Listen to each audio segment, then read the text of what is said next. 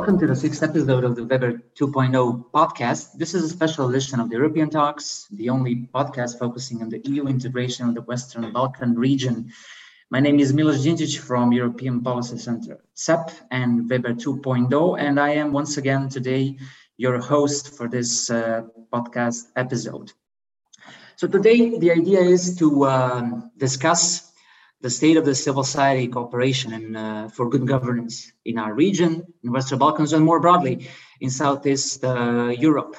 More specifically, we will try to highlight uh, today uh, some ways or ideas or initiatives to deal with the uh, good government deficits that our countries uh, face and that have consequences for for CSOs and their network and associations to do their work. Some of these um, deficits that I mentioned can be grouped around, for example, shrinking civil space for civil society or foreign influence uh, in media in our states and in civil society, uh, insufficient openness of public administration in terms of access to public information or overly formalistic involvement of civil society in policy and decision-making processes. For this uh, topic, for today, we have we had inspiration in the non-paper published by the uh, Southeast European Leadership for Development and Integrity Network, or in short, SELDI. This non-paper was published recently at the very end of 2021, and uh, the uh, reason behind this non-paper was was to promote principles of operation um, for of good governance and anti-corruption CSO platforms. So well, this will serve as a Kickstarter for a discussion today, and um, um, we will have a perfect guest for a conversation about this topic, and uh, it is Mr. Ruslan Stefanov. Mr. Stefanov, welcome. Um, Mr. Stefanov is a program director and the chief economist of the Center for Study of Democracy uh, from Bulgaria, but also knowledge and development coordinator of the mentioned SELDI network, which is the largest regional civil society anti-corruption network in the Western Balkans, Turkey, and Eastern neighborhood. Last but certainly not least, SELDI is also the project associate of the Weber 2.0, and uh, this is why we are also uh, pleased to have Mr. Stefanov on board for the conversation. Mr. Stefanov's expertise includes a wide array of topics. I will name just a few, such as anti-corruption, informal economy, energy governance and security, innovation, European integration, foreign influence and disinformation, Russian influence in Europe, media capture, and uh, many, many more. So, Mr. Stefanov, if I skipped some piece of information that is important, feel free to uh, feel free to add. Thanks, Milos. Uh, that, that, that was very great, great, graceful of yours, and thanks for having me. Thank you. Excellent. So, Mr. Stefanov, uh, I spoke at the beginning of this non-paper published by the SELDI uh, in December of the last year about the uh, state of cooperation of civil society networks in our region. Can you, for the beginning, tell us a bit the background uh, and the rationale behind uh, writing this non-paper and uh, why is this debate about this topic so much needed today and in the future? So feel free. Well, again, thanks for having me, and uh, uh, hello to all your listeners across the region. Um, civil society is um, um, a cornerstone of, of democracy and democratic societies, and it, it has a very important role to play um, in that it uh, organizes uh, and allows citizens' participation uh, in community matters, in and also in policy making, making in particular. So I think we have to. Uh, I mean, when we talk about civil society, we have to first understand that it's uh, and different civil society organizations. That there is a wide variety and diversity of civil society organizations, uh, starting from religious sports clubs cultural organizations and moving to organizations like ours, which specialize in uh, policy debate, in advocacy, um, and, and um, uh, in mediating uh, between society's interests and uh, political interests. That's why, in essentially, the discussion about cooperation between civil society organizations in the region and in each country individually is is, is a discussion about the state of democracy in in the countries of of, of our region. Uh, and as many of you have probably noticed or discussed uh, and seen recently, there's been a concern about the um, um, vigor, about the energy of these democratic processes uh, in the region.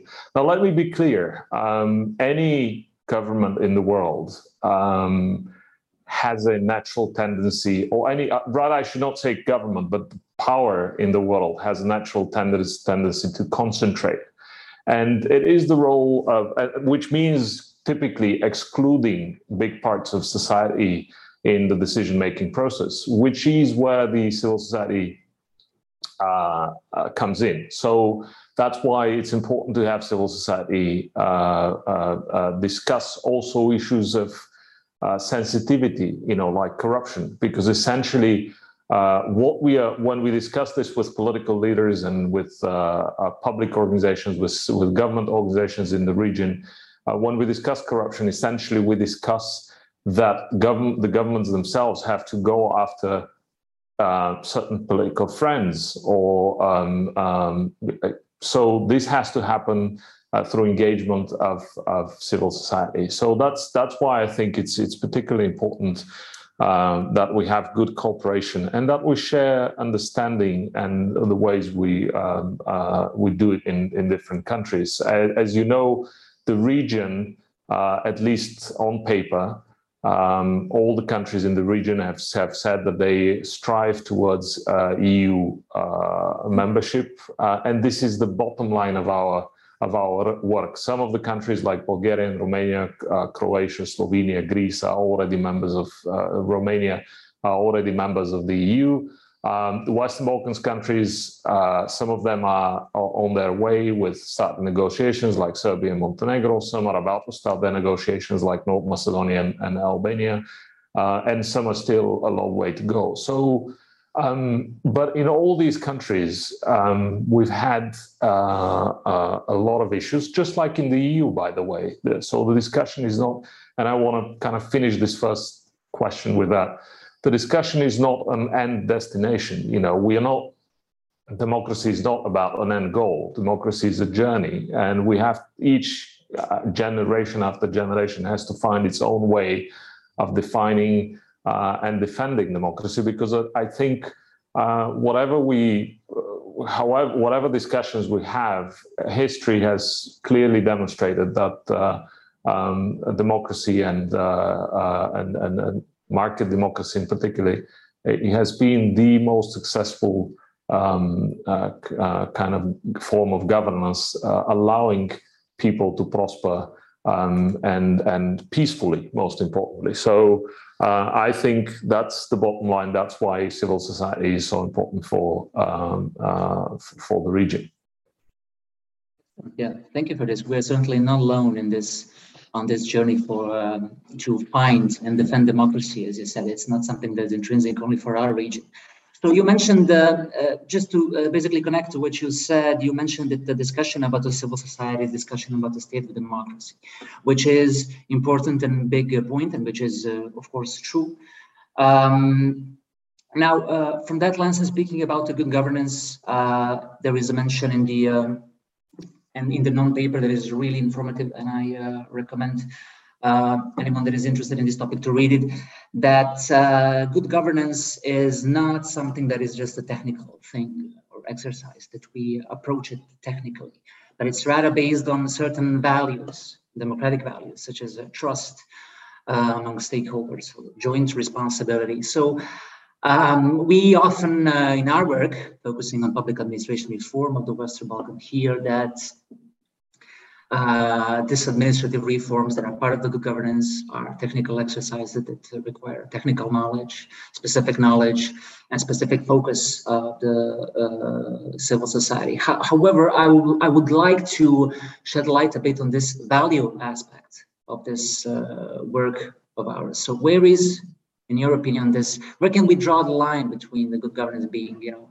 uh, technical exercise and actually value-based uh, value-based field?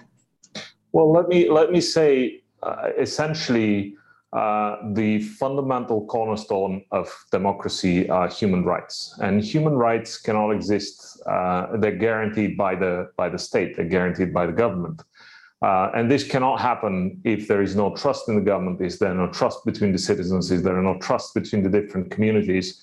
Um, and if there is corruption, uh, so if we look at the um, at the numbers that SELDI provides, which measure corruption victimization, that is how many citizens in our region have been victims of corruption, we'll see that the number is really staggering. It's although it's been declining in the past 20 years, uh, essentially what we see is that one in five citizens, and this is average. I mean, there are countries that is more, there are countries that are better, but average in the region, including by the way, Bulgaria, Romania, and Croatia um, is uh, is is somewhere between uh, I mean essentially one in five uh, and one in ten citizens, which is which is very very high. I mean, if we look at the Eurobarometer for the EU, uh, that this this number is significantly lower, uh, meaning that even for the more uh, vulnerable countries in Central and Europe and in Southern Europe, it's at least uh, at, at, most actually one in 20 which is i mean the difference really staggering. And in countries like uh, in the nordics uh, you have almost one in 100 which means that it's it's very very few and far between or less than one in 100 actually. So what we have here essentially is a systemic problem with corruption. That means uh, a lot of the systems in, in government are corrupt and there are people out there that um, use their public offices for their own gain you know to um, put their friends in in office to uh, uh, uh live a better life, you know, through um, siphoning government resources. And let me be clear about it. You know, corruption is a, a natural element of, of, of power. You know, as the saying goes, power corrupts, absolute power corrupts absolutely. Uh, and the, the, the major missing element here in the region essentially uh, is the lack of uh, any indictments or any sentences, court sentences on corruption. And now here is the tricky part, you know, because we definitely want to have, and there should be uh, corrupt officials, in particular in higher places, because we we have a saying also here in, in Bulgaria, and I guess it's also across the region, that the fish smells from the head, which means that if we want to have uh, better functioning systems and clean, clean systems, we have to start from the very top. And this is what we, we're missing. I mean, if you look at the success actions in Central and Eastern Europe and in Romania, and also in Croatia, the, the, the, success we've had is on high level corruption. You know, this is where Laura Kövesi, for example, the first public prosecutor in, of, of the EU, has made her name. You know, this, this is where you actually have to start to make a difference. Uh, and this is where all the countries in the region, including my own country, Bulgaria, has been tremendously lacking. We don't see high level corruption indictments. Now, this is where the technical part comes in. See, hmm. because we don't want these sentences to be political. We don't want that this kind of anti corruption drive is used by the ones in power to suppress the ones in opposition or political uh, leaders that, that do not agree from their own party. Like, for example, it, it seems to happen in the anti corruption drive of President Xi Jinping in China. Uh, so we've seen this uh, all throughout history in all developed democracy. That is why we want to make sure we have a uh, very solid judicial and criminal procedure. And for this criminal and judicial procedure to happen, you need to have solid technical knowledge starting from the police.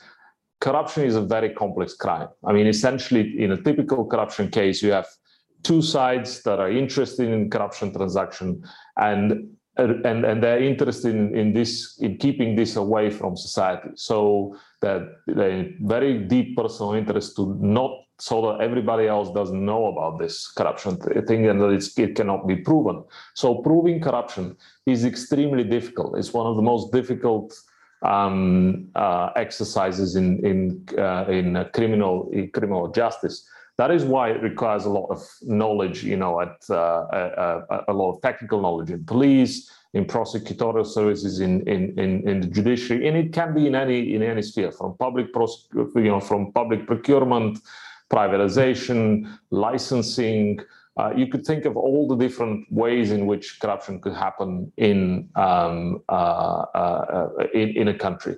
And that's very, very difficult. That's why not just we need this technical thing, but we also need the value thing. We need to know that our political leaders come in office and talk about and propose ideas about how to diminish these corruption problems. First, they admit it.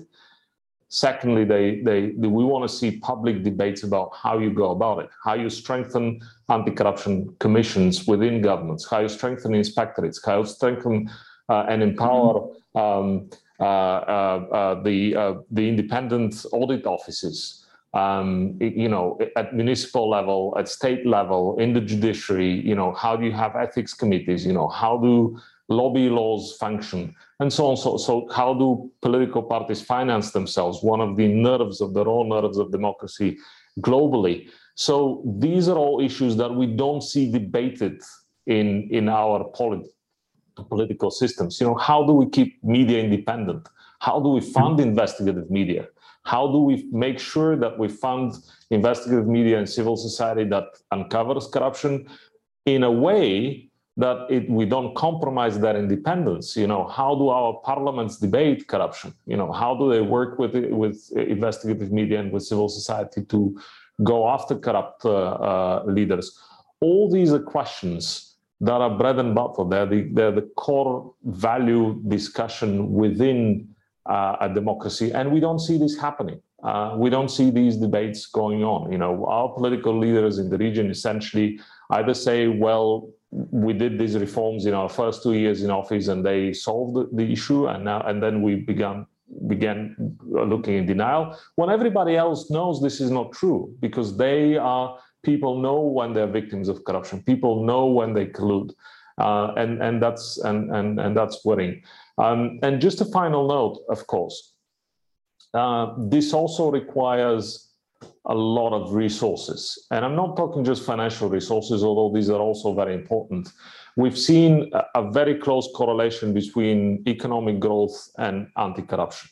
So whenever there is good economic growth, there is also better anti-corruption chances. You know, people uh, people engage more because this gives them more uh, more freedom. This gives them more chances to engage, and this this makes them also more sophisticated in their requirements towards the political class. So that's why we shouldn't, you know, we should be very much aware that, for example, the slumping growth that we've seen after the crisis in 2008 and that we're seeing now uh, with the global energy crisis and with the war in Ukraine uh, is really problematic also for the anti-corruption movement because it both gives more powers to the government. I mean, also the COVID crisis, it gives more power to the government.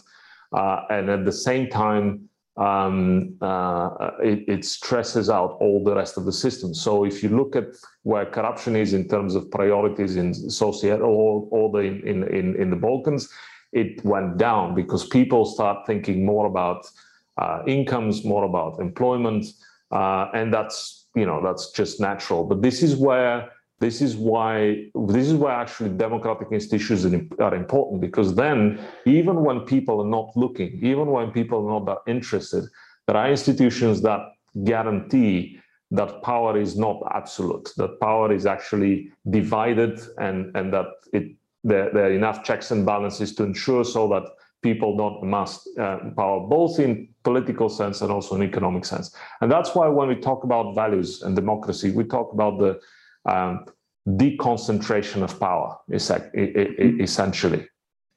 Thank you, thank you, Ruslan. Excellent. A lot, a lot of important points. I must, I must, I must admit. Before I forget, I want to ask you about one specific thing. You, so you mentioned the institutional um, arena, how uh, institutional framework is important, and the institutions do their job properly. Now, uh, you're obviously focused uh, focused um, on anti-corruption the most. We hear uh, at the uh, public administration functioning, which is which are topics that are, uh, let's say, uh, naturally, uh, of course, drawn together.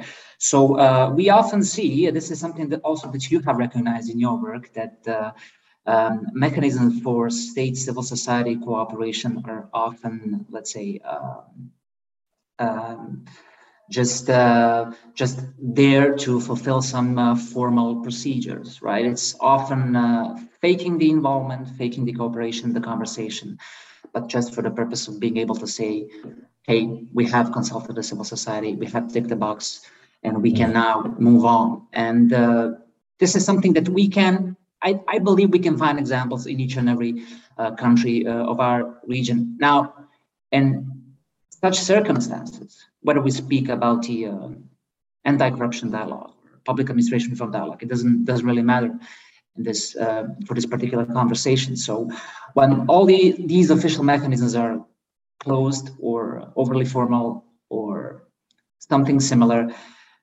what is there left for us to uh, to go to? What will be the most important, uh, or let's say, available channel that we can use for this for this uh, communication because essentially we we as CSO networks that engage in uh, evidence-based data collection, collation, and advocacy, we need this communication line with the authorities. This is it is natural for our work. Still, we need to stay independent, as you suggested.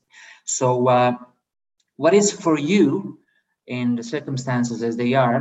Uh, the most valuable or possible cooperation mechanism, or is there anything new that we can do that we didn't do already? That's a that's a really important question. Um, about think about the government. You know, the, in, even in just economic terms, in financial terms, the government controls usually between a third and almost a half of the economy in some in some cases in terms of GDP. And that's just the nominal terms because they control every aspect of our life and, and of our interaction. They set the rules. That's why we need an independent uh, independent institutions that would be equally equally distant from everyone that seeks their, uh, their their help. And also that's why judiciary is so important. And we need institutions that are able to change as society changes and taking into account the different interests. That's why civil society and different civil society organizations are so important because you can't possibly have a centralized structures of the public administration that would be able to take all these different interests into account because essentially democracy is a rule by majority but taking into account the interests and the uh, grievances of, of, of, all the different minorities that are out there. Um, that's why institutions are so important. And it also, as you mentioned, that is why most of the civil society can only be as capable as it is allowed to be, as it as the institutions are actually there. Um, and there are two specific issues here. You know, there are many different civil society actors. You know, there are the activist civil society. You know, that just put a um, um, uh, a, a, value like in human rights, let's say in absolute terms, and then they go about fighting all the way, everywhere, in all possible means, no boundaries or legal possible means with the government to make it happen.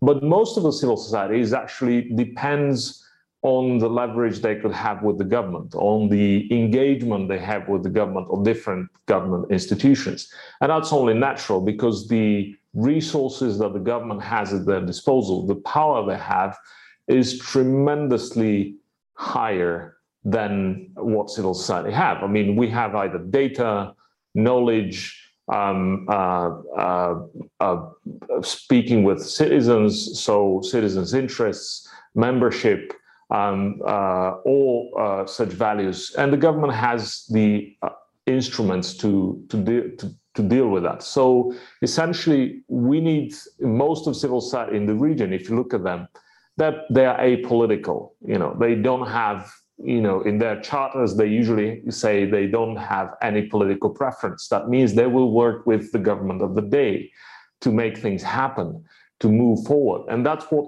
has been worrying in recent years um, let's say we've seen it all across the region, you know, including starting from Hungary, also Poland, Bulgaria, so EU members, but also notably Serbia and, and, and Albania, where we've had very strong leaders that have closed in the um, a, the bridges of communication and of engagement with civil society. And I have to make this clear: it's of course, it's in the it's civil society that wants to have communication with the government, but it's also in the best interest of government to ensure as as as broad a civil society engagement as possible. And here's the tricky part: corruption is a sensitive issue. Yes, it is a self-defeating problem. You know, if a government goes around uh, um, um, admitting corruption uh, and not do anything about it, and not being able to convince citizens that it can do anything about it, um, then this might backfire. And people, politicians understand that very well. You know, they understand that because they have typically 40-year terms, it's very difficult to make progress on something that has been systemic for many, many years, something that even some some say is part of uh, has become part of, of, of the culture. I disagree with that, but it has been part of habits uh, of sorts in some in some areas and in, certain, in, in certain domains. That's why tackling issues, protracted issues like corruption, requires decades. I mean, think about historically. If we look at nations that have tackled corruption, like if you look at the U.S. Uh, in the late 19th century, where they had a um, systemic problems with corruption and monopoly and stuff like that. If you think of Singapore, if you think of uh, um, uh, some Central European nations like Estonia, it took them more than 30, 40 years of very aggressive, sustained um, trial and error uh, to deal with that corruption. And then it took them another 30 or 40 to actually clean up the system because there is a lot of dirty money. And once this dirty money creates its way into the system, it tends to reinvest itself. So that's why I think we need to also have a better understanding that there are no miracles. You know, we cannot deal with those issues overnight. But if we are to deal with them, uh, then best chances are that this happens through engagement between political leaders, reformist minded politicians, civil society, and uh, international actors.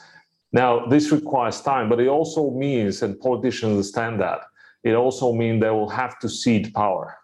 They will have to peacefully change without trying to interfere in as people's kind of uh, attitudes change. And that's why it's important to see democratic leaders, you know, leaders that believe in those democratic uh, institutions like uh, election, like free and fair election campaigns, um, and so on and so forth. When we have leaders that believe in the strong hand, in centralized governance, the main thing about, and we should know best, you know, in our region, and also now we have a prime example in Russia and prime example in in, in China. Um, they might get right a lot of the decisions, you know, autocrats, I mean. And they might actually be quicker at arriving at those solutions. But the thing is, what happens after they're gone? Then we are awfully unprepared to take the next decisions. Then we have wars, then we have calamities, then we have poverty. That is why democracy, which involves a wider circles of, of stakeholders, civil society, citizens, is much better at change, is much better at evolution throughout time. And that is, and we need to understand this when we talk about values. You know, these are the values. You know, engaging people has long-term positive repercussion for the stability and resilience of our uh, of our countries. But these again are very very de- delicate balances because political leaders it also means change. Very well said. Just a very short reflection of yours. So, if you were going to choose, let's say, in this context that I just briefly described from the beginning of, uh, let's say, more closed institutions or uh, um, this formalistic involvement of civil society, if you were about to choose uh, between still being engaged with the authorities and the political level decision makers and being, uh, let's say, accused at the same time of uh, being uh, co-opted or cooperating or taking a step step back until you know these kind of democratic deficits are eradicated what would you choose between the two they will they will not be eradicated unless we engage um, mm-hmm. I, I, I would choose yes. I would choose engagement, and we actually we've done this in SELDI. We've had this discussion hundreds of times every day in the past 20 years since SELDI is active in the region. And we've always had, we've always, and, it, and it's actually an internal question for each and every think tank and civil society that engages in public policy. Uh, this is a very thin line, a razor's edge, essentially, as to how do we engage uh, uh, without uh, uh, getting, you know, um, um, engulfed by by power, without losing your independence. And that's a very difficult walk to walk, but that's why we need to do it. You know, it's uh, and this is where change happens. So for us, it's also difficult, but typically that's why, and, that's why. Just a final thought on that.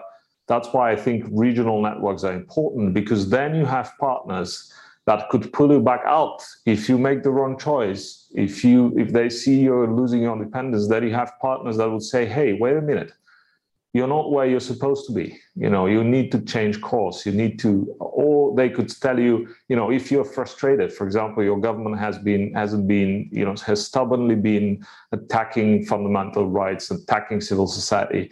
And and then you have partners that still can give you power and hope and saying look no matter how dark it is you still need to engage. You know go out uh, offer your knowledge offer your expertise come clean, ask them, go knock on their doors, knock on their windows, knock everywhere you, you can, so that you can engage and make a change. This is definitely the answer that I'm also uh, rooting for.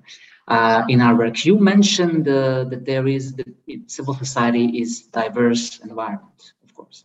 Now, we as uh, regional networks, both in WeBER and in SELDI, we are based on uh, creating an um, own resources and toolboxes and methodologies for for independent evaluation, monitoring, analysis of the government operations that we then use for uh, policy advocacy. Now, uh, what would your position be in terms of constantly, let's say, redoing and reapplying over and over the same, say, tools that and methodologies and indexes that we have, or uh, um, extending them, innovating them, changing them to uh, to accommodate the circumstances. This is something that I ask because there is this additional factor that has influence on our on our work, which is the funding, and we are uh, usually or sometimes uh, also directed or channeled by the um, donor requirements in terms of what we can or uh, cannot do. So uh, after quite some time, I believe, uh, of work within SELDI and CSD uh, and using your uh, methodologies and indexes, what is your uh, position in terms kind of um, taking a different step or being, let's say, true to the core mission, to the um, to the um, approach that you have and continuing what you do. It, does this uh, make sense?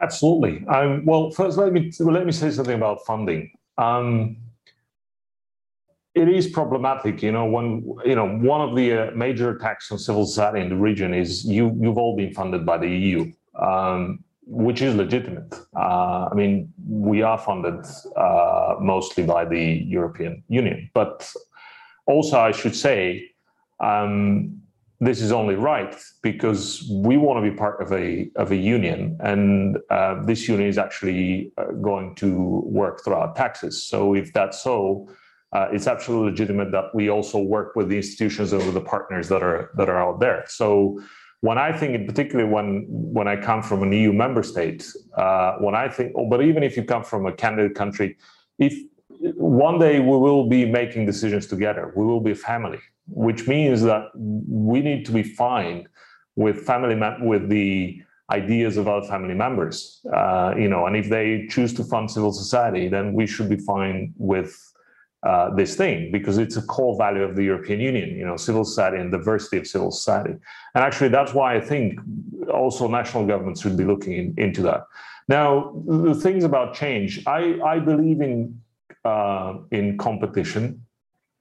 Uh, just like I believe in democracy and market economy, also believe in competition in civil society. I don't. I don't think any of our networks knows all the answers all the way uh, every time and, and worlds change people change methodologies change um, but I also believe in institutions and, uh, and and and some functions like a watchdog function where you have a like WeBER has chosen to look at the public administration reform, uh, or we've chosen to look in in corruption. Some things work like watchdog, like where you look at and uncover whether things are progressing or not uh, on a set of criteria, and these have been well chosen, academically proven, and sound.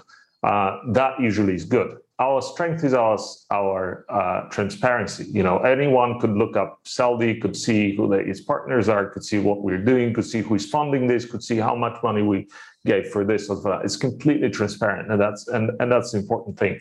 But also, we engage with the. We are always kind of on the pulse of what is happening internationally. You know, our world evolves. You know, we are now there is social media now uh, there is a lot more digital than analog. Um, uh, there is the there, there was the pandemics. So uh, we are in in situations that require different uh, actions, and we we're preparing for this. You know, we're adapting our methodologies, we're adapting our um, uh, our work. Um, I, I'm not an absolute believer in methodologies, you know, or, or in tools, but I do believe that we need we need them in order to have the bottom line. For example, SELDI calculates the corruption victimization across the region. And with that number, you can go to institutions and say, look, we had an improvement between 2001 and 2016. And there was a cost, okay, there were always ups and downs, different years, blah, blah, blah. But if you look at the long term, you know, if you look at the